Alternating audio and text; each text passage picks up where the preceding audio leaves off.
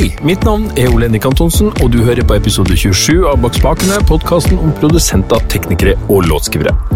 Denne episodens gjest er Alexander Austheim, som også er kjent som Rykkenfella. Han har vært en markant produsent i Norge de ti siste årene, og jobber i tillegg som A&R i Universal. Det er en klassisk kombo som det likevel er en stund siden vi har sett i noe særlig grad her i landet, i hvert fall på major-selskaper. Så det gleder meg til å høre mer om straks, men først. Bak spakene lages samarbeid med Benum. De importerer bl.a. Universal Audio og den superpopulære Apollo-serien. Suksessen til Apollo skyldes eh, kombinasjonen av hardware, software og fantastiske UAD-plugins og Unison preamps. Det gir deg lyden av den feiteste analoge og digitale outboarden som finnes, i en pakke som passer dine behov og din økonomi.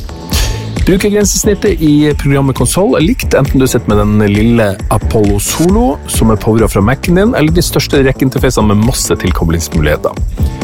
Les mer om Apollo på benum.no. Benum importerer også skjør, og litt senere i episoden så får du høre litt om den nye mikrofonen MV7. Bakspakene samarbeider også med Isotop, som nettopp har lansert en ny plattform som heter Spire. Spire har en egen app for IOS som er gratis i AppStore, og lar det spille inn åtte kanaler lyd. Appen har smarte funksjoner med automatisk tilpassing til lydkilden, og enkel utveksling av prosjekter med andre. Du kan spille inn med mikrofon i iPhone, iPad eller proppene dine, og det her funker forbausende bra. Men om du ønsker et enda proffere resultat, så kan du sjekke ut Spire Studio Mark 2. Spire Studio er en hardware som kobles trådløst til IOS- eller Android-enheter, og gir deg en bedre mikrofon og hodetelefonutgang. Her finnes også en preamp for bruk med andre vanlige mikker og instrumenter. Med Spire Studio tilkobla Spire-appen så får du masse ny funksjonalitet, sånn at du kan spille inn med klang, delay, gitarforsterkersimulering og sågar gjøre mastring når låten er klar. Spire Studio kan prøves og kjøpes hos Prolyd i Oslo. Appen er bare lastet ned når de som helst. Ja, neimen da kjører vi i gang. Alexander Austheim, også kjent som Rykkenfella. Tusen takk. tusen takk. Jeg antar du er fra Rykken i Bærum? Uh, ja. Uh, mer eller mindre. Jeg har liksom vokst opp både på Skøyen og Rykken, da, men jeg har liksom gått på skole og sånn der. Uh, gjort hele den der ungdomstiden, eller barneskole- og ungdomsskoletiden der. Så um, ja, jeg er stolt av å kalle meg Rykken-gutt, rett og slett. Ja, det er bra. Det er du og Harald Eia som har putt Rykken on the map. Ja, han, bo, ja.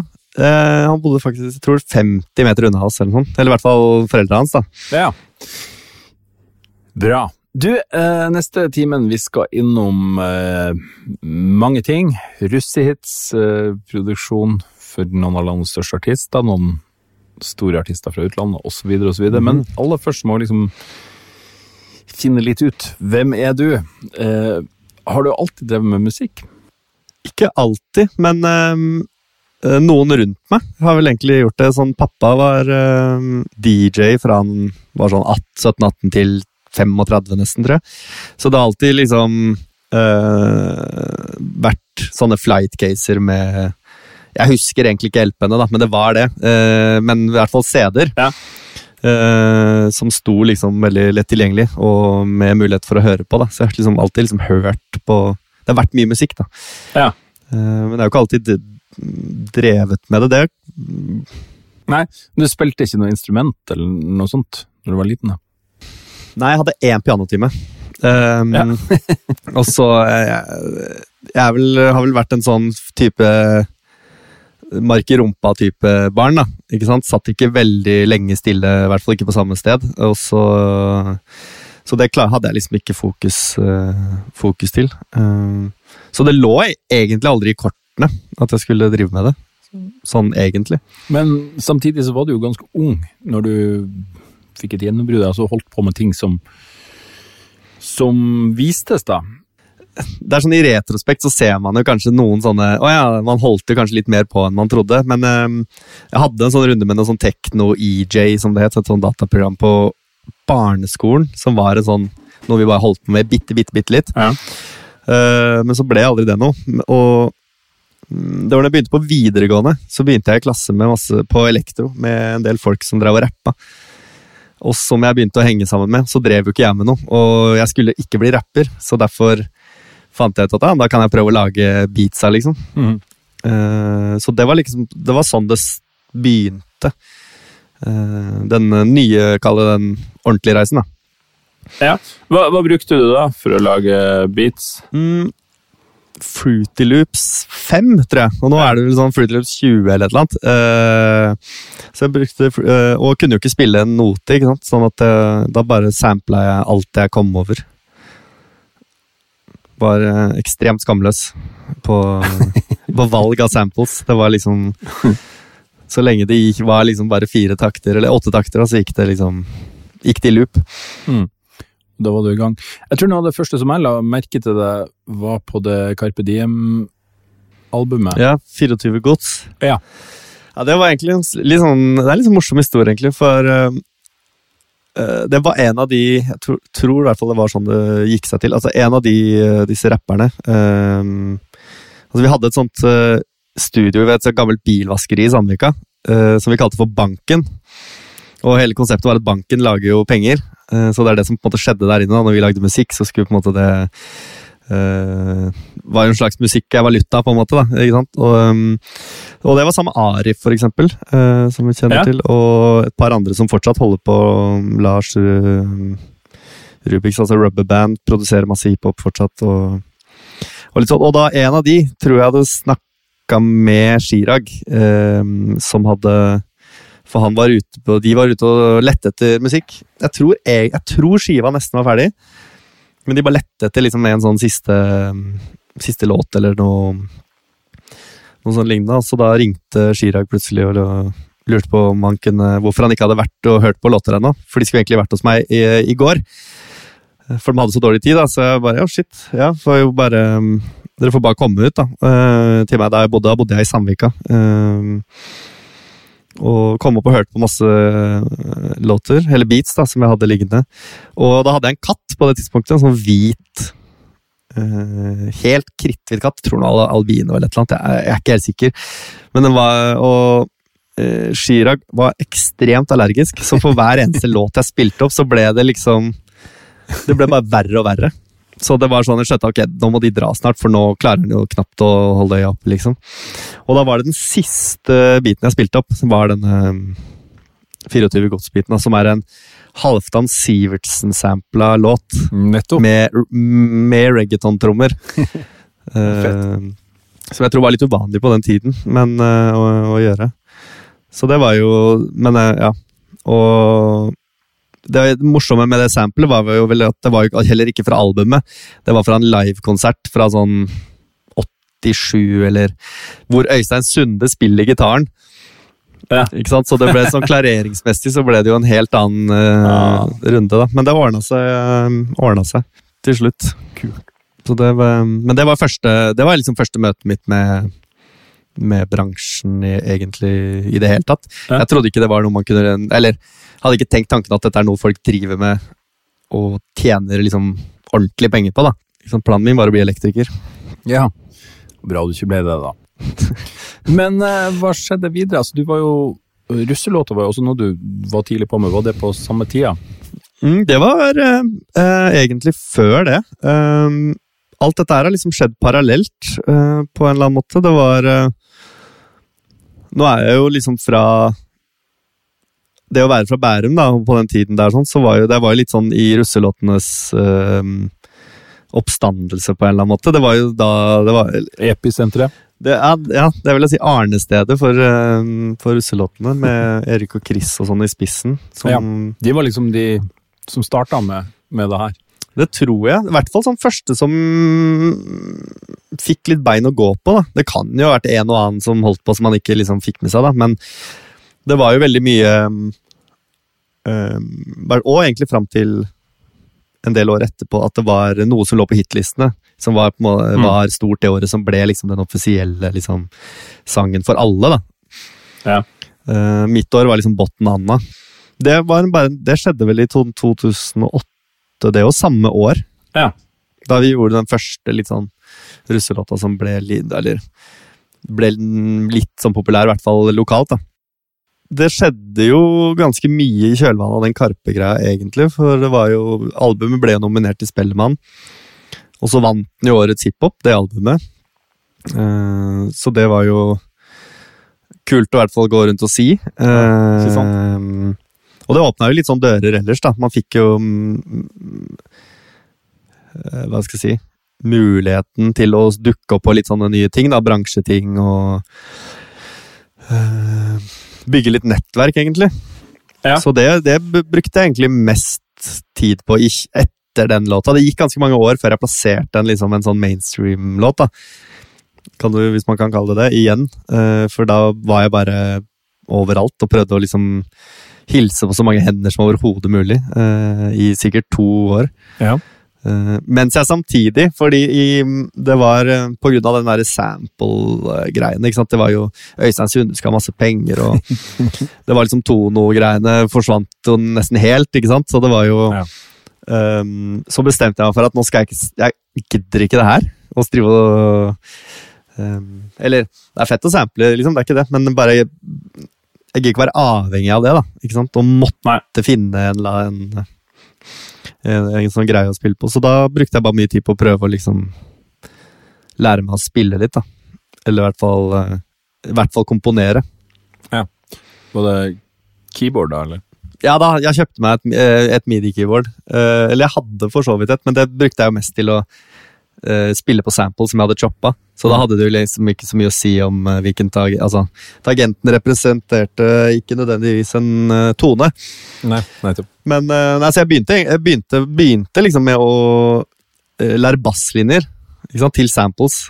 For å finne Ja. disse rundene, liksom. For der ligger jo da, Og det hjalp jo litt. Så så ble det sånn treklang, og så Og så mm, eh, Litt sånn. Og så det er jo, hvis jeg går gjennom Jeg har masse gamle mapper, og sånn, så er jo alle Jeg har sikkert 400 tracks ikke sant, som går i A-moll eller C-dur. eh, bare på bare, eh, Så jeg ble god der, da. Du, du var også med på et sånn seminar som fikk en god del oppmerksomhet her hjemme, som Stargate hadde, Mm. sammen med det som het Music Export Norway, tror jeg. Ja, ikke sant. Det var, eh, var jo det der, eh, ja, som Music Export Norway, sånn seminar med, med liksom flere dager da, i New York, hvor det skulle være En dag var liksom dedikert til et, en eller annen uh, speaker, eller en uh, uh, vet ikke hva man kaller det. Ja, en eller annen som skulle snakke, en bransjeperson. da, Det var jo LA Reed var en dag. Det ganske rått. Det var jo sjukt fett. Og så hadde jo Stargate selvfølgelig sin dag, der de gikk gjennom alt fra um, låter de holdt på med, og liksom gikk det veldig teknisk og sånn. Og så hadde vi en dag med han Guy Moot, som var da Da tror jeg han var sjef for Amy Publishing. Tror jeg. Det tror jeg du har helt rett i. Nå er han tror jeg, jeg tror kanskje han er Sony TV nå, jeg er litt usikker. Ja. Men han, um, som da også var en ganske stor fisk, da. Um, så alle var jo det, og det var um, A&R-en til Wiz Khalifa fra Atlantic som fortalte liksom om hvordan de, de signerte folk, og hvordan de tenkte, da. Og, og for, fra Rock Nation. Og så hadde vi en dag i, i studioet deres. Eh, det, um, Rock the Mic, da. Som også var ganske fett. Det var ganske kul lytting der. Ja, det var jo så svære Det er jo sånn kubikk, monitorer på en kubikk hver, ikke sant. Så, Ja. Men det var ganske fett da å se alle de Det var jo De hadde vel det ene studioet, så tror jeg JC hadde det andre. Ja. Uh, og så hang det jo liksom alt fra Kanye West Blacks og JC Blacks og sånn der som er Det var jo ganske stort da. Eh, men det, det, var- jo ikke Jeg fant jo ikke ut at det her var en ting selv, vet. Det var mamma som hadde snubla over en eller annen artikkel i Mikk.no eller Ballade eller en eller annen av de der eh, Ja. stedene der sånn, og bare hva er det her? Og jeg bare Det er noe jeg åpenbart bør eh, søke på. Så det, hadde, det var, var litt sånn interessant, for, eh, for det fant Jeg liksom snubla ikke over den annonsen, eller hva det var, selv, da. Det var faktisk mamma Ja. som fant den. Ja, det, det var jo litt eh, kudos å komme med der, for det, sånn som jeg husker så var det veldig mange som ville, og veldig mange som søkte. Eh, og mange som ikke fikk Mm. plass til. Jeg tror også ikke jeg kommer med én gang, hvis ikke jeg er helt sikker. Jeg lurer på om eh, det var noen som måtte At jeg var sånn rett under sperregrensa, og så var det noen som måtte, ikke fikk vært med, så, Ja. så kom jeg liksom snikende inn døra der i siste liten. Bra. Men det var jo kjempekul tur, da. Det var jo mm, Fikk jo møtt masse masse folk da. Det var jo folk fra alle deler av musikkbransjen, ikke bare produsenter og låtskriver. låtskrivere. Det var jo liksom fra plateselskap og A&Rs og Mm. artister og alt mulig rart.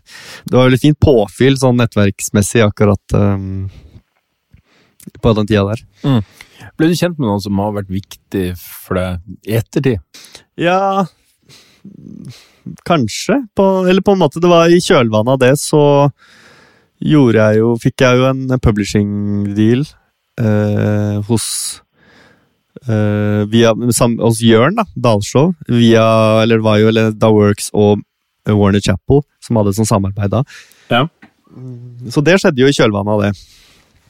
Han var jo også med på den turen, eh, så jeg møtte jo han der. Eh, Så møtte jo Altså, det var jo representanter egentlig fra alle majors, da. Ja, De norske, eller? Ja, I Norge, altså fra liksom da Universal, eh, Sony og Warner. Ja. Så da var jo egentlig målet bare å produsere så mange låter for så mange som mulig. ikke sant? Eh, Så det var jo veldig, veldig sånn greit, da. Å få showcase noe der oppe. Ja, ikke sant. Eh, hva med internasjonalt? Fikk du noen kontakter der, eller har det endra måten du har jobba ut av landet på, på en måte? Jeg tror, eller, jeg tror egentlig mye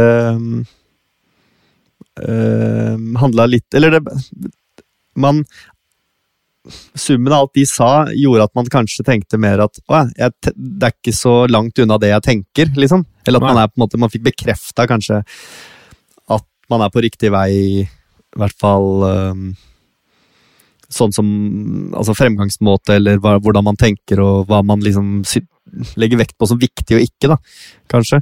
Ja. Ikke sant? At man, øh, hvilke ting skal jeg henge meg opp i, og hvilke ting skal jeg liksom ikke henge meg opp i, liksom. Eh, der fikk vi jo en del sånne tilbakemeldinger som var, øh, som var litt sånn greit å kanskje få bekrefta. Kanskje ikke gjorde noe spesielt akkurat der og da, da, men du bare fikk en liten sånn ok, da fortsetter vi med det vi, vi gjør, da. Ja, hvilke type bekreftelse var det du fikk på, på det rent konkrete? På musikken, eller på Så generelt kanskje at liksom, det var mye sånn eh, Det var jo hva skal jeg si, veldig mye generelt, da, som kanskje er litt sånn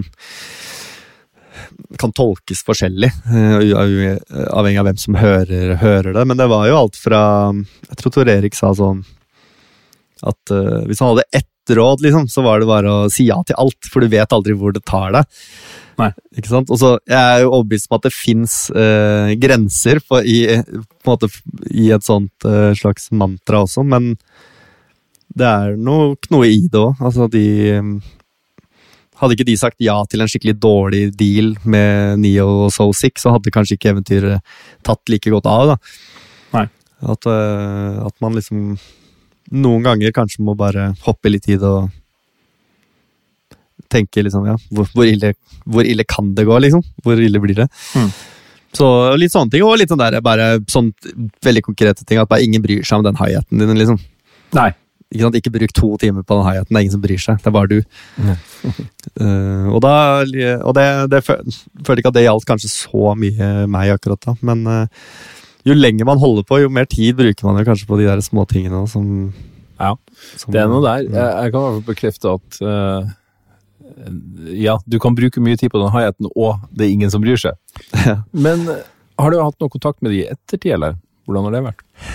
Nei, ikke så veldig mye. Jeg har møtt, møtt på mm, liksom på liksom bransjeting og her og der, og jo lenger inn i bransjen man kommer, jo, altså, jo flere du kjenner, jo mindre folk eh, er det, det føles ut som, hvis du skjønner. Eh, den eh, Så jo lenger inn i denne bransjen man kommer, jo ofte blir man jo på en måte utsatt for de samme menneskene på et eller annet måte, da, i form av eventer og, og, og ting, hvis det gir mening. Men eh, Ja, det gir mening. så jeg, jeg skal ikke si mye, men Men øh, litt, liksom. Her og der. Sporadisk. I introen så lovde jeg at du skulle få høre litt om den nye mikrofonen Skjør MB7. Den ser ut som en litt stuttere versjon av SM7B, som helt klart er inspirasjonskilden. Her får du samme hetta som fungerer som popfilter, og samme bøyleopphenge. MV7 kalles en podkastmikrofon og er utstyrt med et innebygd lydkort. I pakken følger med to USB-kabler, en av den gamle typen og en USB-C, eller Thunderbolt 3 om du vil. Det betyr at du kan plugge MV7 rett inn i en Mac, en PC eller en mobilenhet og sette i gang med proffopptak uten noe annet utstyr enn et software å spille inn i. På selve mikrofonen så finner du eh, hodetelefonforsterker og mini-jack ut. Og et lite touch-kontrollpanel som lar deg styre gain og volum i hodetelefonene. Enklere blir det rett og slett ikke. Lyden? Vel, det er den mikrofonen som jeg snakker i nå.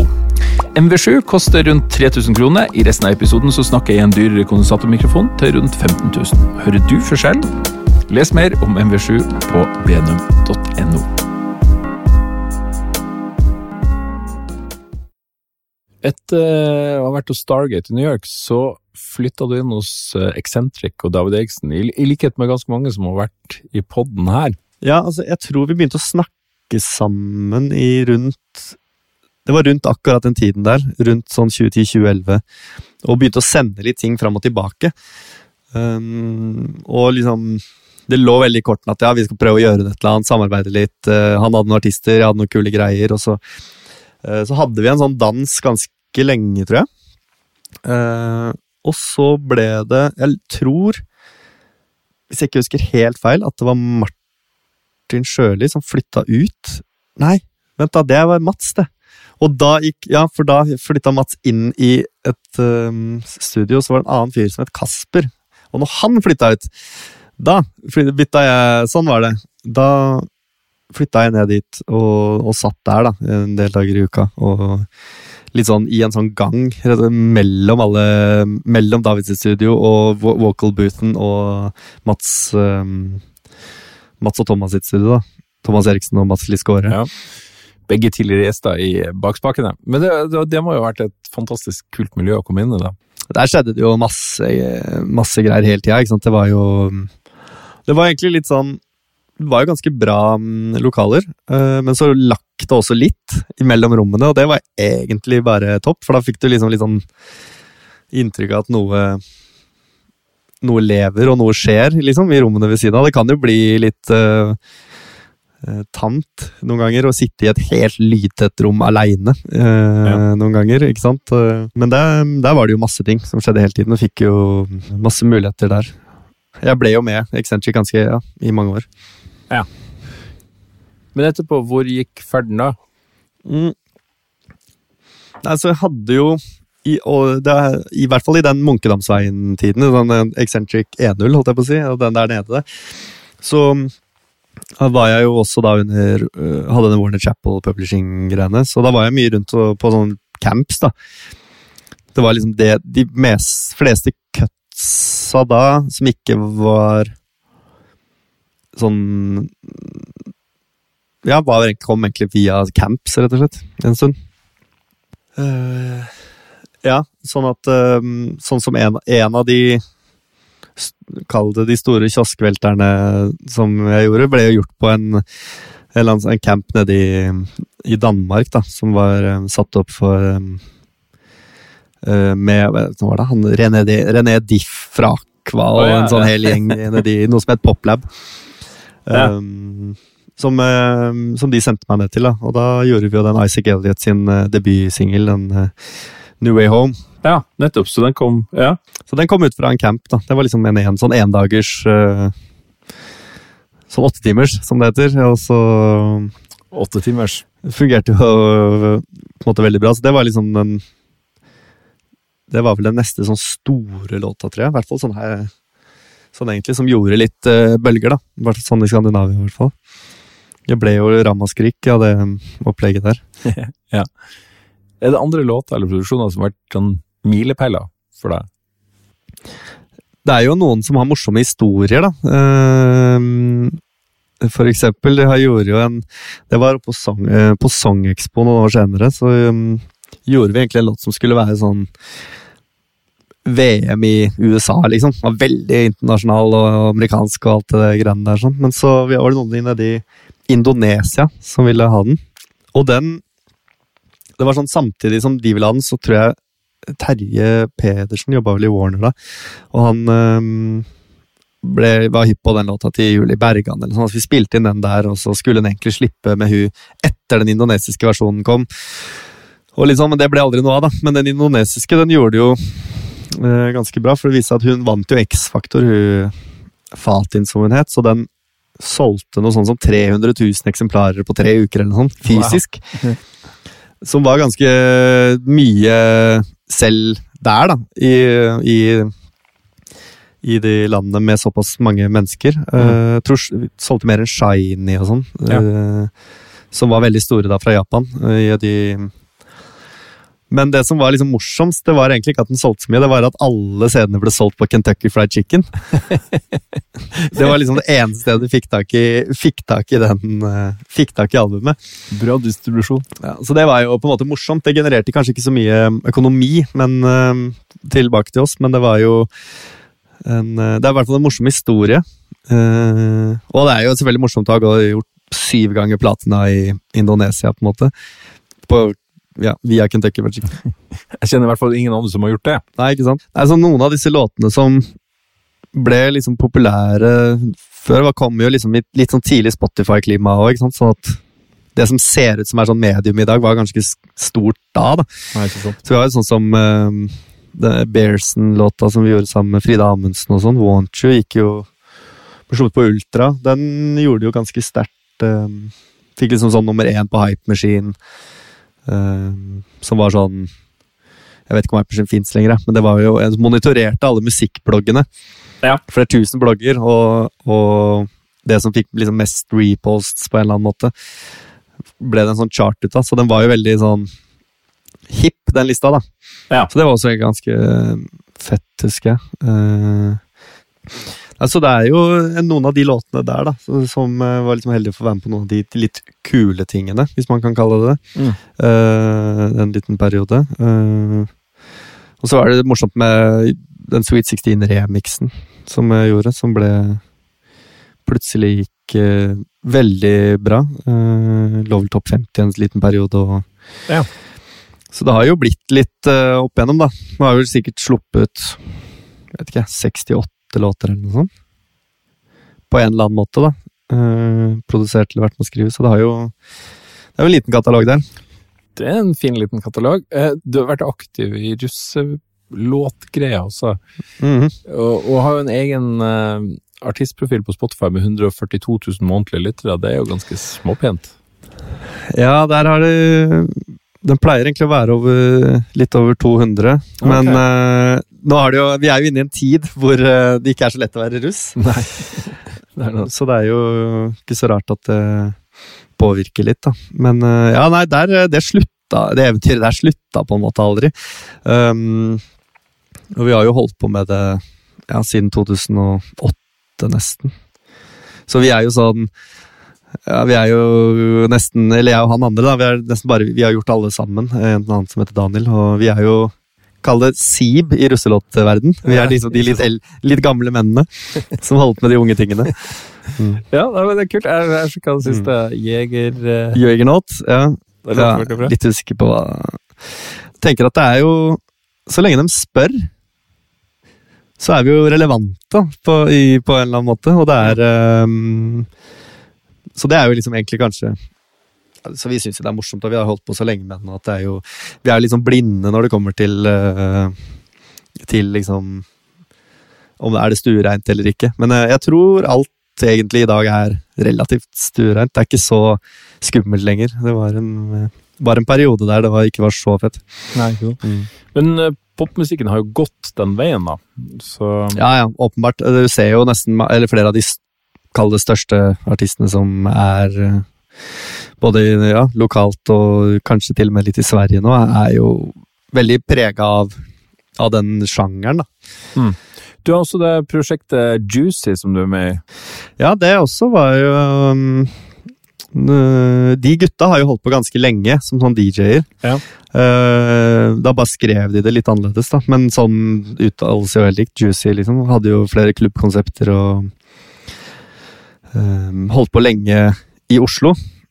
Hvordan har det starta, egentlig? Vi bare hadde en dag i studio og en, vi gjorde noen remix-greier. Som egentlig jeg skulle hjelpe dem med, og så ble det vel egentlig til at vi lagde, bare lagde prosjektet på nytt på en eller annen måte. da. Uh, og gjorde det som en trio, rett og slett. Ja. Så jeg tror det starta vel med en um, Hvis jeg husker riktig nå Jeg tror den Madcon Vi gjorde en remix på den Don't Worry, var det vel? Og så gjorde vi egentlig mest sånne prøvde oss på remixer i det første året, og så hadde vi liksom noen sessions. Um, og jo, jeg tror vi jobba med Fride Amundsen ganske mye i starten og skrev noen låter. Som ble til liksom den første singelen, som vi slapp på Warner. Hvor andre singelen, som vi gjorde med Alida, ble liksom en ja, relativt stor låt. Den lå vel topp 50 nesten i tre måneder. Den kom aldri sånn kjempehøyt, men den forsvant aldri uh, ut, ut, Så det var en Nei. sånn låt som um, kanskje folk bare ikke skrudde av. ikke sant, på en måte. Uh, så det var jo litt uh, Jeg tror jeg hadde 26 uker eller sånn, på topp 50. Um, så det var jo også litt fett. Vi har jo aldri kommet oss helt tilbake dit da, i, etter det, men vi, um, vi prøver fortsatt. Det er bra.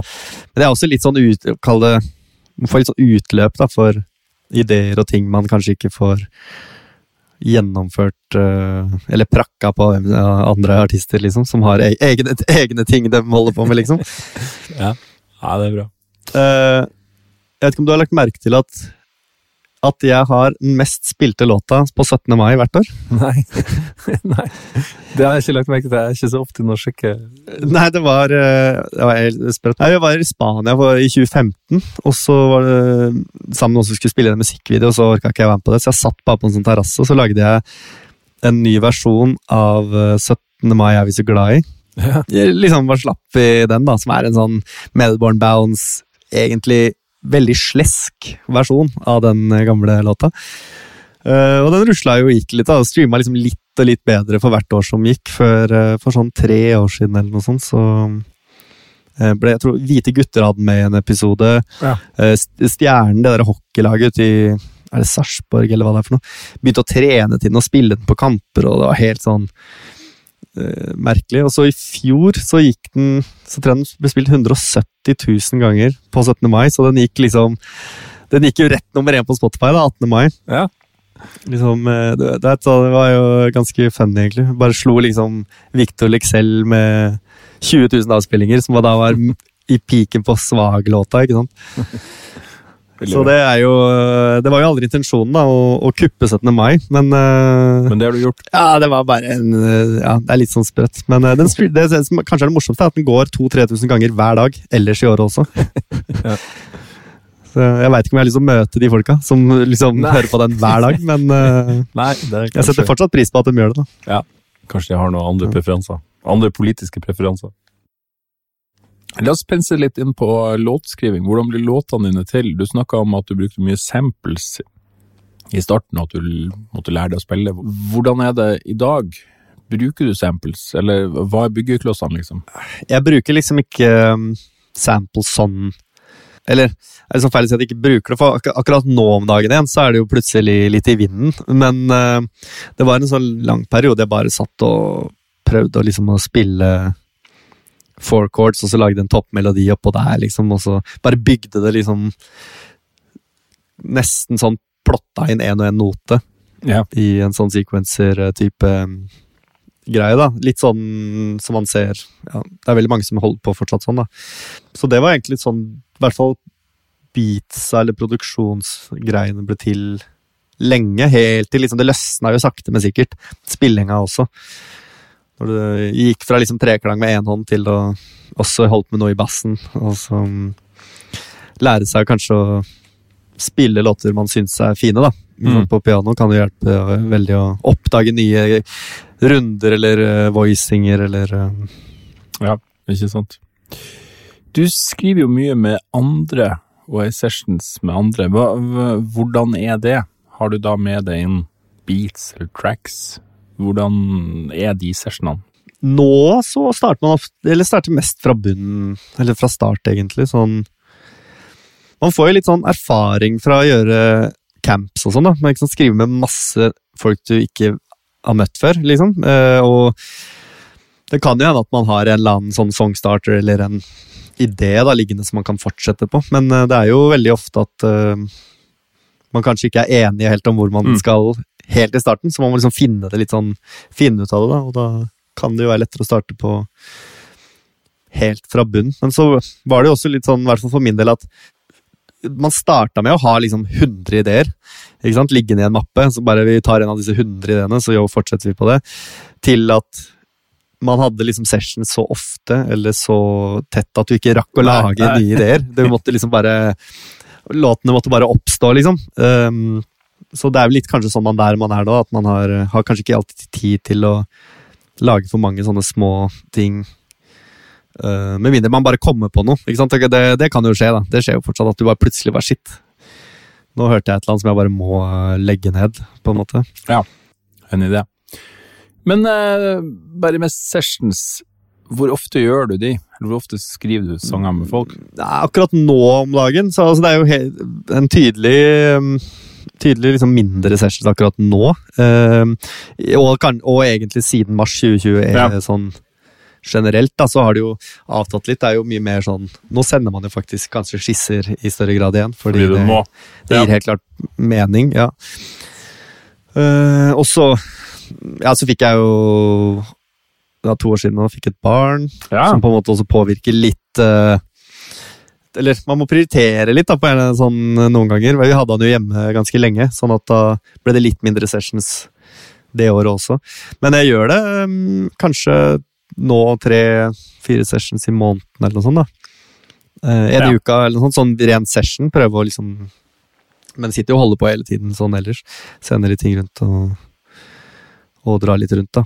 Ja. Også begynte å bare dukke opp eh, hos andre, og kanskje ikke sitte med Mac-en min, da. Og heller bare være henge over skuldra til han eh, en annen. Være han som henger over skuldra, rett og slett. Det er bra. Det er jo litt sånn når man er produsent, eller produsenten i det rommet. Litt, litt selvfølgelig avhengig av personlighet og sånn, men så har man jo det er ting, Du styrer jo ting litt mer. Ikke sant? For det er liksom Du har jo alle lydene som ligger der. Ikke sant? Du kan jo egentlig bare bestemme deg for å gjøre en ting, så blir det jo liksom litt sånn. Um, Så det er litt deilig å kanskje bare gå litt bort fra den rollen noen ganger også, og bare høre på Høre hva det blir. Altså sitte og lage en låt, da. I cirka mm. mm. Men du er med på topline og tekst og sånn?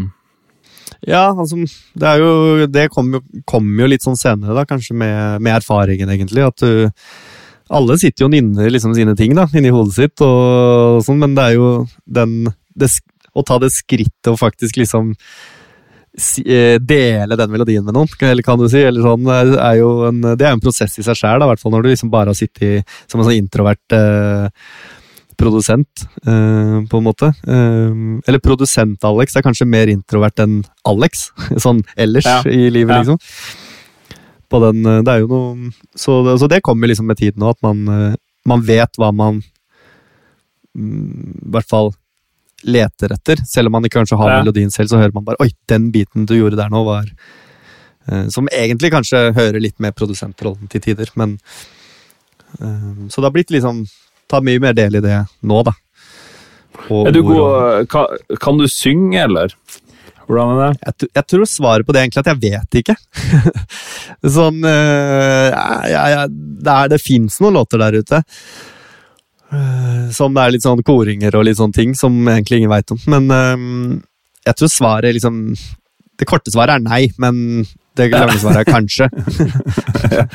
Nei, det er bare, det er bare noe med det òg, da. I en, sånn, I en sånn session, hvis du har noen sånn kjempeflinke vokalister, så er det liksom Det syns jeg i hvert fall alltid var litt sånn skummelt. Og jeg har et forslag til linje her, og så er det ikke sikkert du engang klarer å Altså, det kan i hodet mitt høres ut som det blir ca. det jeg hadde tenkt, men uh, opptaket sier noe annet. Oi, der var det en Ja. halvtone off. Ja, ja. Og helt, helt, jeg tror det er, det er helt, helt klart, egentlig. Det er jo Men det også er en sånn Man må Hvis man klarer å liksom finne leken i det, og den der fjerne alle sånne hvert fall på camp så hører man ofte sånn legge en ego i døra, ikke sant? for nå skal du inn i et rom og dele masse ideer med masse andre. Sånn at det er ikke noe plass til liksom uh, egoet ditt, da, på en eller annen måte. Uh, eller andre sitt, for den saks skyld. Og det, det hører vel kanskje hjemme litt der, da, at man blir litt sånn altfor selvbevisst, eller um, tar seg selv kanskje litt for høytidelig, på en eller annen måte. Mm. Når det egentlig bare er ingen som ville brukt det mot deg, om du ikke traff på den tonen. Nei, nei, altså det, og det er jo ingen som noensinne har brukt noe sånt mot det, men det er mer bare din egen følelse da, på, på hva Man vil jo bidra ikke sant, inn i session. Man vil jo Ja. Nei, men, men bare den derre Å jobbe med mennesker funker sånn, da, altså, i hvert fall så mange forskjellige og alt sånn, er jo en, det er en sosial øvelse bare i seg, i seg selv, liksom. Å skape noe med, med, med folk. I hvert fall de du ikke har møtt før. Og de du har jobba lenge sammen med, jo, blir jo alt litt lettere, selvfølgelig. Ja, Over tid. det blir det. Eh, Hva med produksjon, da? Det er jo det som du tidligere i hvert fall har gjort og tatt helt imot. For uh, mikser du f.eks. sjøl? jeg gjør det hvis jeg må, men jeg, jeg er veldig glad i å ikke gjøre det. Eller sånn um, Det er noe befriende ved å liksom si seg ferdig, og så sende det bort, enn å Og på en måte sitte der? Du blir jo aldri helt fornøyd, ikke sant? så du, du kan jo sitte og pirke det uendelige. Men hvis du har sendt fra deg alle filene, så har du liksom Hva skal jeg si Det er lettere å akseptere det noen andre leverer til deg. Altså, du kan, noen kan jo si til deg sånn Å, det, er bare en demo, eh, så ikke tenk på miksen. Men så hører du det, så aksepterer du egentlig alt du hører. Det er egentlig Mm. ikke noe gærent med det, selv om øh, Og det føler kanskje at man kan få litt sånn avstand fra sine egne ting når noen andre har liksom i hvert fall som du stoler på, da, hvis du stoler på mikseren og sant? kommer tilbake med det, så får du en sånn hm, Nå hører du det på en annen måte, og så hm, Der er fett. Som kan være um, litt digg. Det er ikke alltid det er sånn, selvfølgelig. Noen ganger så du jo, sender du jo liksom så mange notes at du kunne gjort det sjøl, ikke sant. Ja. Uh, men eh, eh, jeg syns det er kult å kunne levere en låt. Som jeg på en måte aksepterer selv. Altså at man har det i seg. da. Det tar nok bare litt lengre tid enn det gjør for for, eh, for mikserne noen ganger, rett og slett. Hvor lang tid bruker du typisk på en produksjon, da? Ikke på miksen, men på produksjon? Produksjonen i seg selv tror jeg ikke man bruker så veldig lang tid på sånn Hvis ideen er klar og man vet hvor man skal, da. Ikke sant? Det avhenger jo litt av det. Ja. Da. Men sånn, hvis alt er relativt sånn på stell, da, i, så tror jeg selve liksom Hvis låta er på plass, så føler jeg produksjonen også faller på plass ganske fort. Men så begynner man jo eh? Man, kan jo vri på alt, man kan jo kontrollere alt. og så, så når man sitter liksom da og og skal holde på, så er det jo det at du, du sitter bare og tweaker. Det høres jo egentlig aldri annerledes ut, men du bare sitter og vrir og masserer det og liksom du holder veldig, ikke sant? Det er jo da man er tilbake på den der, den hi-haten er det ingen som bryr seg om. ikke sant? Men så bryr man seg jo man bryr seg jo ganske lenge, da. Om, Ja. ikke sant? Og du flytter den ene litt fram og tilbake for å høre om det blir litt bedre, liksom, eller um, Nei, så Det er ikke så ofte jeg har brukt liksom mer enn noen dager, tror jeg, på å lande liksom Det har sikkert skjedd, det er sikkert noen unntak her der, men der man har liksom ikke klart å løse ideen, og så plutselig har du fått en åpenbaring fire uker senere, og så løste det. Men sånn, Ja. når det første det skjer, så syns jeg det går ganske fort. Uh, Ja. Noen dager, en dag, et par dager. Det, mm. Men du legger, altså hvis du, for det er jo også noe sånn problem altså av og til der du blir stående sånn stange, da bare legger du det bort, da? Eller du, du har ikke tid til å man bruke kan en jo liksom ikke, på Det det? er ikke vits å Hvis du liksom sitter bare og ser på prosjektet i, og ikke noe blir bedre, så må, bør du egentlig starte på noe nytt, og så heller ta det opp igjen eh, en uke etterpå, tror jeg. Men ja, og så- Eller prøve å finne ut hvorfor sitter jeg fast, da. Ikke sant? Ikke Ja. um, Det er skummelt. Man kan jo fort rote seg bort da, at du gjør det bare verre, helt til du klarer å gjøre det bedre igjen. Altså, du har gått den runden Mm. der. Ja, sant.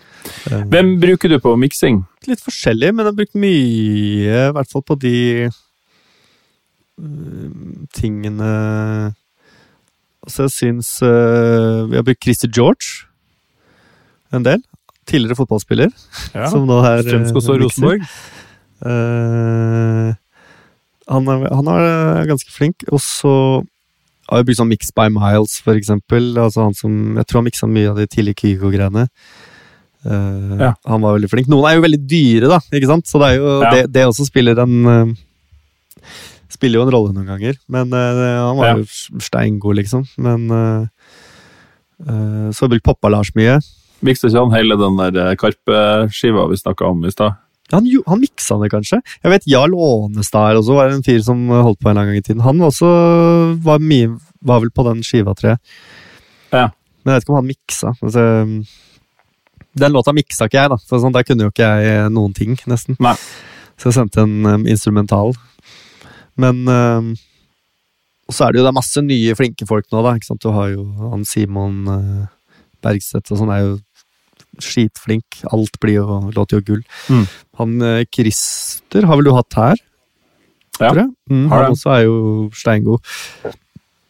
Så det er, det er jo mange å velge mellom nå. da, Folk som begynner å bli litt gode. Men alle jobber litt forskjellig også, det er litt morsomt. Altså, Du kan noen ganger høre hva du Altså, de har sine temperaturer og sånne EQ-ting som er litt sånn annerledes. Sånn, som eh, Ja. Det blir jo veldig nerdete fort da, når man begynner med sånn miksing og sånn, selvfølgelig. Ja, ja. Det blir jo det. Det er kult. Det er kult. Du jobber i Logic, eller? Jeg sitter i Logic, ja. Jeg har vært gjennom veldig mye greier, føler jeg. Jeg starta jo i Fruity Loops 5, og så var jeg på Cubase SX3, eller hva det heter for noe, eh, og Nuendo. Eh, For det var de tingene man klarte å eh, bootlegge, holdt jeg på å si, altså laste ned, Ja. som funka. Det var hacka. Ja. Så det var eneste grunn til at man hadde Nuendo. Man trengte jo ikke surround, liksom. Det var liksom Cubase med surround-lyd da. Nei, så var jeg innom Reason en stund, før jeg landa på Logic. Og det, Logic var vel, ble naturlig valget når jeg gikk fra PC til Mac og jeg måtte recorde vokal Ja. selv. liksom. Det var ikke noe som ble servert meg lenger. Det var liksom Nei. og da brukte jeg liksom Logic med sånn rewire over til Reason, sånn at de liksom snakka sammen. Før jeg gikk helt over til Logic, da. Ja. Så der er jeg fortsatt. Driver og snuser litt på Ableton og Ja. Og for så vidt Fruity Loops igjen. Det er liksom så mange sånne ting som eh, det er veldig, Alt er så moderne, ikke sant? Altså det er den, veldig fort gjort å gjøre masse moderne ting i de der nye greiene. ja. Det blir jo litt sånn. Men mm. Fruitlips, fins det for Mac nå? Ja da, det fins nå. Ja. Det er vel litt sånn Folk er ikke helt enige om hvor stabilt det er. Noen, for noen funker det veldig bra, for noen så er det litt buggete ennå. Men, men det, det, det funker eh, ganske det, det er en full versjon av det liksom nå. Ja. Mm. Em, la oss snakke litt om studiooppsettet ditt. Hvor, hvor befinner det seg nå? Ja, jeg hadde et, uh, hadde et studio hjemme en stund. Uh, egentlig ganske lenge, helt til uh, han som nå er liksom to år, da, som måtte ha sitt eget rom. Når vi ikke Ja. skulle ha han inn på vårt soverom lenger. Da, da ble det liksom kasta ut, da. Ja.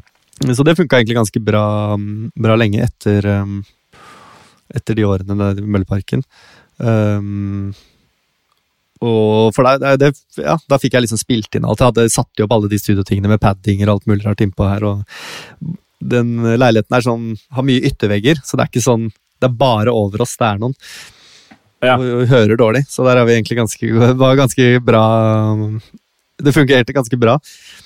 Um, men så Nå om dagen så har jeg bare men Jeg har liksom tilgang på litt eh, forskjellige studioer. Hvis jeg må ha eh, hvis jeg må sitte et sted der jeg trenger liksom å enten spille i noe helt perfekt, da, eller, mm. eller ja, sitte og mikse noe. Da er det ikke så fett å sitte hjemme alltid. Så nå har jeg mest et sånn uh, skrivesetup hjemme. Har et sånn e-piano som jeg har kobla til Mac-en, og noen små sånne monitorer, eh, så jeg kan sitte og lage ideer og sånn. Og så tar jeg liksom det med da, eh, til eh, dit man jobber. Ja. Eller eh, de jeg skal jobbe sammen med, eksempel. Mm. Så da låne litt studier rundt omkring, rett og slett. Eh, Det har liksom ikke hasta med å skaffe seg noe nytt heller, etter verden begynte å stå i brann, på en eller annen måte. Selv om det hadde sikkert vært en god, god periode, fordi du skal jo ingenting, selvfølgelig. Ja. Mm. Det har blitt mye studietid. Men eh, ja, synt da. Jeg ser du har en Juno 106. Ja, jeg måtte jo kjøpe en Juno. Eh, Det er jo liksom jeg Føler mange av de gamle tingene har blitt kommet litt sånn tilbake igjen. Eh, Av de varme, liksom Alt, alt skal være varmt igjen, da. Ja. Og det er jo litt uh, fint. Nei, så jeg snubla over en Juno på Finn for et par år siden. Som nå, Akkurat nå står den i boden og støver, da. Det er litt dumt. Det bør jeg sikkert ikke si høyt, for det vil alle vil jo ha en. Alle vil kjøpe Men eh, den har jeg brukt mye. og- Ja. Ekstremt sånn inspirerende synt, da. Ja, for det er noe med det. Du har selvfølgelig alle softsynter og alt man skal ha. Mm. Men uh, Ja, Det blir ikke helt det samme. Jeg har vært en sånn fyr som liksom bare, Det er ikke noe å si hva du bruker, da. Det er liksom Det er resultatet som teller og sånn. Og, og det er jo sant, det, men det er bare noe med veien dit som kanskje mm, Jeg føler man tar litt andre valg. Du, tar, du, du velger litt annerledes når du sitter liksom og skrur på et eller annet. da. Um, Mm. Og du må committe da, i mye større grad, for du kan ikke bare alltid gå og hente Da må du spille inn på nytt i så fall. ikke sant? Og så Kanskje den ikke låter helt likt lenger uh, som den gjorde og, med faderne og sånn. Så det syns jeg egentlig er uh, bare Altså jeg vokste nok litt på det, bare å ha litt analog ting. og Du skjønner litt mer hvordan ting funker og henger sammen, og, Mm. og litt sånne ting. da. Du har trom trommemaskiner, TR8. Ja. Bruker du den? Ja, litt. Jeg, jeg, det har jo, men jeg, jeg har liksom brukt den såpass mange ganger at jeg har liksom mye samples av den liggende nå, da, som jeg kan klippe ut og sånn. Men det, det var jo veldig digg å kunne eh, liksom sample sine egne eh, 808, altså basstrommer som var i key. For da kunne jeg liksom bare keyen Ja.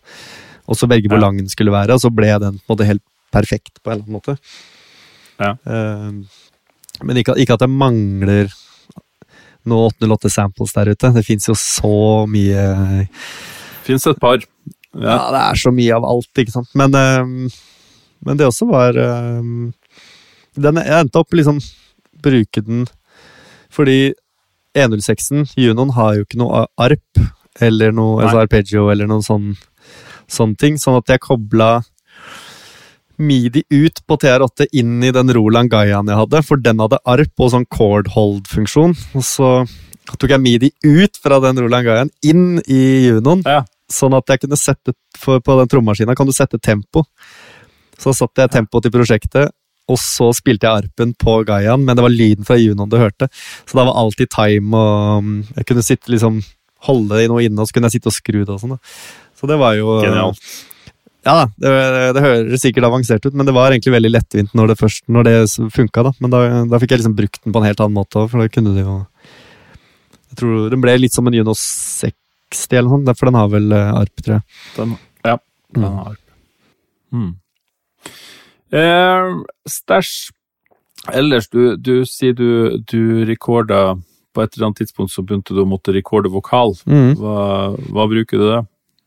Ja, der har jeg vært med noe mye rart. Sånn, eh, jeg tror jeg starta med en sånn røde NT1000 eller noe sånt. Brukte i mange år. Og den var vel altså, helt fin, den. Det var jo Jeg tror ikke det var liksom mikrofonen som var problemet i starten, når det kom til eh, åssen ting hørtes ut, men Men, eh, men jeg har vært gjennom litt forskjellige sånne Akkurat nå så sitter jeg bruker jeg en sånn AKG um, C414 E Nei, CB heter den vel, som er en sånn vintage-variant av den uh, uh, Som har en sånn brass capsule eller noe sånt. Som jeg, ikke, jeg vet ikke helt hva det betyr, men jeg bare ser når jeg googler det at det er sånn Det er bra. Ja, det er bra i alle, sånne, alle sånne forum. Så, ja. Uh, så tåler vel kanskje litt mer eller et eller annet, jeg vet ikke. Men uh, den låter i hvert fall ganske fint. Uh, den er brukt på veldig mye. Eh, Ja. Og så har jeg brukt litt sånn C Nei, hva heter den da? SM7B. Bare Ja. vanlig Ja. Sure. også, Ja. ja, og den er Jeg vet ikke om den er undervurdert, for jeg syns veldig mange har den. Men den er litt undervurdert, egentlig, føler jeg. For den, eh, den gjør veldig mye bra hvis du har Du kan få til veldig mye kult med den, faktisk. Og den er billig. Mm. Som Ja. en sånn billig alternativ, så er det Jeg syns den låter jævlig bra i, når man bruker den riktig. Ja visst. Eh, Det er kjempebra. Eh, Du har også en Apollo Twin. Mm. Bruker du preampene i den, eller? Ja, jeg har gjort det. Bruker litt. Legger legge på liksom en liten chain, men nå har jeg også en sånn uh, 1073-klone. Ja, eh, analog. eh, med EQ, som jeg har begynt å bruke litt, som er eh, Som jeg syns blir bedre, egentlig. Eh, ja, hvert fall, jeg tør å bruke den litt annerledes, eller bruke den litt mer. Eh, For jeg føler den er mer tilgivende, liksom, sånn i toppen og sånn. Hvis du gainer litt mye, så blir det liksom ikke skarpt på samme måte som i pluginsa, da. Altså på en Ja. Uh, Kan vringe det litt mer. ja, det blir mer sånn Ja, det er som om det liksom squasher det litt, eller det, Frekvensene blør litt mer over i hverandre, og ikke er liksom mm, like rent, kanskje, som når det blir digitalt. Så det Mm. syns jeg um, har funka veldig bra, og en sånn uh, 1176-variant. Mm. Uh, på sånn pep Pepsi-mode. ja. Nei, Dr. Pepper heter den kanskje, modusen. Uh, Hvordan er den? Det er sånn klokka, sånn var det? det var en gammel sånn der Dr. Pepper-reklame tror jeg, fra 50-tallet som var Du skulle drikke Dr. Pepper klokka um, Hva var det? Klokka ti, klokka to og klokka fire. Så du skal sette liksom oh, ja. uh, den ene på klokka to, da. Uh, og så blir også den andre på klokka Nei, på klokka ti og på klokka to, og så ratio på fire. Som ble en sånn der, veldig sånn generell innstilling som fungerte veldig bra på mye. Ja. Så det, det er vel vokal Og så er det en haug med plugins. Altfor mange plugins etterpå. ikke sant? Altså, du vet, man har, lager seg jo sånne reiser når man uh, sitter og produserer det, så du, du kan jo sikkert fjerne halvparten, fordi du har liksom gjort et eller annet som du igjen korrigerer med noe annet. og så Av gammel vane, liksom. Ja. Men ehm, jeg prøver liksom å bruke litt mindre, da. Fordi for å ja, mest, mest egentlig spare CPU, Ja. men uh, men, uh, Noen favoritter på plugins, da? Mm, Jeg bruker en del Soundtoys. Uh, Decapitator, for eksempel. Bruker sånn LA2A-variant. Uh, CLA2A Waves, og for så vidt UAD. API-EQ-ene. Um, uh, og ja, Sood har jeg begynt å bruke litt i starten, som er sånn derre Ja. Fjerne litt sånn Jeg føler det er litt skummel. Altså, at jeg har en tendens til å liksom bruke den litt for hardt, sånn at du liksom faktisk fjerner ting. og Det, det, er, liksom, det er litt skummelt, for den, er- den er litt for god. Ja. Du vil jo ikke fjerne alt, liksom. Nei. Det er jo nei. nei. det er noe med Det må være litt grit og litt Det må være litt stygt. Det må alltid være litt stygt. For det føles ekte, tror jeg. Eh, hvis det blir Hvis det blir altfor liksom pet. Hvis, hvis du hele tiden shaver ut alle frekvenser sånn, til å passe og flette inn i hverandre, sånn, så blir det jo liksom kaldt, føler jeg. Mm. Nei, så ja, noe multiband. Jeg bruker C6 fra Waves mye. Som en slags EQ. For å slippe å fjerne, da, så kan du heller bare temme. Ikke sant? Eh, Ja. Gjøre litt sånne ting. Eh, Chandler eh, Den derre Chandler Bender EQ, eller hva han heter. En, um, Curbender. ja, Curbender, ja, den syns jeg er sjukt bra. Mm. Uh, på bøsser og på alt. Jeg, så um, ja. Det er vel det jeg bruker mest, tror jeg. Fabfilter Ja. har jeg begynt å ta opp litt igjen, som uh, har uh, syns mye bra greier. Altså.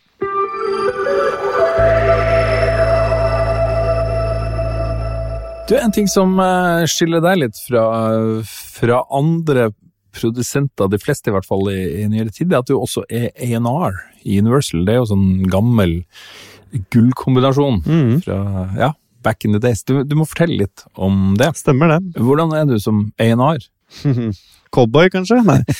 Jeg vet ikke. Jeg er jo en eh, veldig nysgjerrig type, da. Eh, sånn musikalsk og eh, Og egentlig på alle plan. Altså, veldig sånn uh, Sånn sett lett å fange oppmerksomheten min på en eller annen måte. Jeg blir liksom veldig fort nysgjerrig. Um, og I hvert fall det som rører seg, og nye ting og sjangere og, og, um, og den biten der, da. Men uh, ja, hvordan er jeg som Jeg vet ikke, jeg prøver liksom å Å se Prøve å forstå dem, da. Hvem, hvem er disse menneskene liksom som sender inn et eller annet, eller hva Eller hvorfor eh, Hvis det er noe som man liker, da prøve å finne ut hvorfor liker man det, eller eh, hvorfor man tror andre vil like det, da. For, ikke sant? Og så prøve liksom å ha en eh,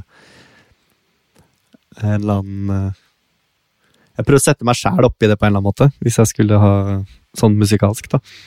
Hvor mange er det som jobber på, som A&Rs på, på norskavdelinga til Universal? Vi er vel fem eller seks, tror jeg. Fem-seks stykker. Og så er det vel 60 på hele huset, da. Ja. Så vi er jo litt folk, da, som er forskjellige, liksom eh, Man har liksom forskjellig utgangspunkt, selvfølgelig. Ja. Og styrker. Ja. Nei, jeg begynte å tenke liksom på hvem er jeg som Einar. Det var vanskelig, litt sånn eh, eksistensielt spørsmål på en eller annen måte. Men um, Nei, jeg vet ikke. Jeg prøver å være real, da. Eh, og så kanskje liksom bruke erfaringen min fra liksom an, den Da står man jo plutselig på andre siden av bordet, da. Uh, Ja. Og møter seg sjøl i døra på en eller annen måte. Ja. Ikke sant? Og i hvert fall liksom på Prøve å tenke litt sånn på hvordan er det man snakker om musikken, for eksempel. Ikke sant? Hvordan man uh, Man jobber jo med folk som skaper noe, ikke sant? og det er jo mye, mye følelser involvert til tider. Ikke sant? Så det er liksom litt viktig å, å på en måte respektere det, da, på en eller annen måte, når man i hvert fall snakker om det. og det er, det, er, det er veldig lett å dømme noe. ikke sant? Det, er jo det letteste i Mm. verden er jo egentlig å finne, finne ut hvorfor det ikke er bra. Men det er jo Mm. ikke det man eh, Det er jo ikke det vi er interessert i. Vi er jo interessert i hvorfor ting er bra, og hva eh, Og hvorfor det er bra, selvfølgelig. Ja. Mm. Så jeg, prøver, jeg tror egentlig det. Jeg prøver å bruke erfaringen litt, da. eh, I møte med unge, nye, lovende. Mm. Det er bra. Jeg, altså, jeg har tenkt på det Jeg har forholdt meg til en del A&Rs i mitt liv, og, Mm. og, og noen ganger så har det jo vært litt slit da med at selv om de kan musikk, så, så kan de kanskje ikke musikkproduksjon veldig godt, da. Eh, Sånn at eh, jeg tror det må være veldig bra å ha en på andre sida av bordet som kjenner begrepsapparatet, som kan snakke om om det her ønsker og det man har på en, på en lettfattelig måte for en som er produsent. Det må jo være bra, tenker jeg. Mm. Ja, altså Ja, jeg bare Det er jo veldig mange som klarer å snakke om musikk, da. Men eh, Sånn uavhengig av om de lager det eller ikke. Men jeg tror det at, at liksom hvordan du snakker om musikk, vil også påvirke liksom hvilken tillit du får hos den du snakker til. da. Um, en ting kan jo selvfølgelig Det kan jo være en snarvei å ha skrevet og produsert selv, selvfølgelig. Mm. Sånn sett at du uten å si noe på en måte får en eller annen form for tyngde. Men, men um, jeg tror liksom ikke at det er uh, Ja, som du sier, det kan jo være plusser og minuser, men jeg tror ikke det er um, Jeg tror ikke du må ha det for å kunne være en god winner. ikke sant? Det handler jo egentlig bare om smak. Har du, en god, eller sånn, har du god smak, uh, så kan du i utgangspunktet bli en god A&R, tror jeg. Ikke sant? Hvis, det du, hvis du tør å stole på på liksom en eller annen magefølelse rundt et eller annet. da. Mm. Eh, Det var vel det LA Reed sa at han hadde vunnet på. Han kunne egentlig ingenting, men han bare Hans eh, liksom, måte å tenke på var hvis jeg liker det, så er det i hvert fall noen andre som også liker det. Fordi han, Så spesiell kan ikke han være at det er bare han som liker dette. Nei. Nei, han var ikke så spesiell i så måte. Han, øh, han var ganske folkelig Ikke sant? Så um, i smaken. Men, men hvordan er det når du sitter der med dine kunnskaper og skills? Er det sånn at du øh, At det blir litt sånn tungvint og ikke bare ta over? Klarer du å holde fingrene av fatet, eller hvordan er det? eh, Ja, jeg, jeg gjør det. Og man må jo liksom også Man har jo den plassen man har da, i, i den situasjonen man har også, så man må jo liksom eh, Men da er det jo på en måte fint å kunne foreslå noe konkret da, noen ganger. ikke sant? Så du kan jo bare Kan faktisk liksom gå Man kan tørre å liksom gå litt, litt mer inn i, inn i det, da, og så liksom faktisk eh, foreslå et eller annet. Og så kan jo de velge om de vil høre på det eller ikke, selvfølgelig. Om de vil ha det utgitt eller ikke? Ja, ikke sant? Eh, nei, nei, men jeg mener det er jo viktig å liksom Jeg tror det er viktig å tenke at man har jo ikke alltid Det er jo ikke, det er ikke sånn at man alltid bare Man har jo ikke rett bare fordi man er en hard. Nei, nei. Ikke sant? Altså, kan, kan heller tvert imot, kanskje. I hvert fall sånn eh, Det var i hvert fall min gamle opplevelse av det, eh, som produsent også, liksom. Alle hadde jo det trikset når du fikk en kommentar du ikke var enig i, at du bare renama fila med med ett tall høyere på versjonnummeret, og så sendte tilbake, og så var det topp, liksom. Ja, vi har gjort akkurat det du ba om. Så det Nei. Så, men eh, selvfølgelig. Det blir jo noen ganger man, det klør litt, selvfølgelig. At du bare Å, det har vært så fett å høre den Hørt den sånn, da. Eh, Eller gjort, gjort det der, eller jeg skulle ønske dere gjorde det, selvfølgelig. Men mm. Hvor mye av tida di går til å jobbe i Universal? Er det fulltid, eller hvordan funker det?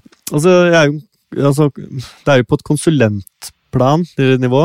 eh, men det er jo nesten eh, Altså, jeg jobber litt med det hver dag. Ja. Så det er liksom eh, Det er et eller annet eh, hele tiden, da, sånn sett.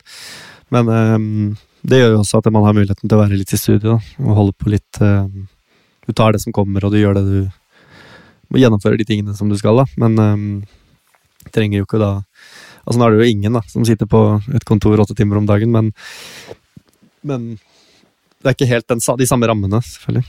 Nei. Det passer jo veldig fint, på en måte, sånn for meg. Mm. Som eh, også, også vil opprettholde en låtskrivertilværelse og produsenttilværelse, selvfølgelig. Så det er, det er en sånn det er en fin balanse, eh, sånn sett. Mm.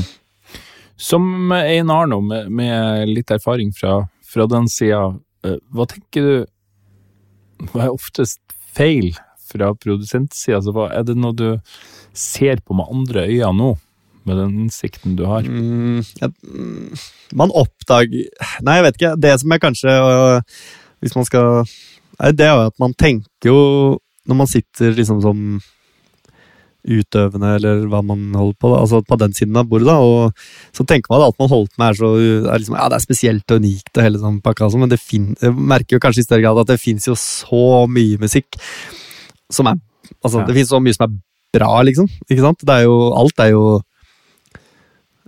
jeg skal ikke si at alt er bra, men alt er jo veld, veldig mye er jo veldig bra. ikke sant? Og så er det jo det å finne fram i dette støyet, da. ikke sant? Hva er det som er litt bedre, eller hva Det holder jo nesten ikke ved å, å være bra lenger, bare. ikke sant? Det må være Nei. For det er bra. Alt er bra. Ikke sant? Um, alle synger fint, og alle kan produsere noe, nesten, og alle kan eh, Alle kan ta et fint bilde, liksom. Altså, du har jo alle Verktøyene er jo der, da. Så det er jo det å finne disse ja, kanskje oppdaga mer at liksom At du man, ja, det er, det, er ikke, ja, det er ikke så lett å bryte gjennom nå, tror jeg. I det støyet. Alltid. Eller å skille seg ut, da. Det er, det er ikke så lett å skille seg ut, fordi alle gjør det. ikke sant? Alle prøver å skille seg ut. Kanskje man må skille seg ut med å være veldig kjedelig, da. Ja, men så er det jo Ja, det er vel litt Ja, den der Mange som er kjedelige òg. Ja, jeg tenker sånn I hvert fall sånn historisk så har det vel kanskje vært sånn at radiolåter Det som ble kalt for radiolåter, var jo låter folk ikke skrur av, ikke sant? Det var ikke nødvendigvis eh, noe på høyre eller venstre sida, det var noe som var liksom midt i.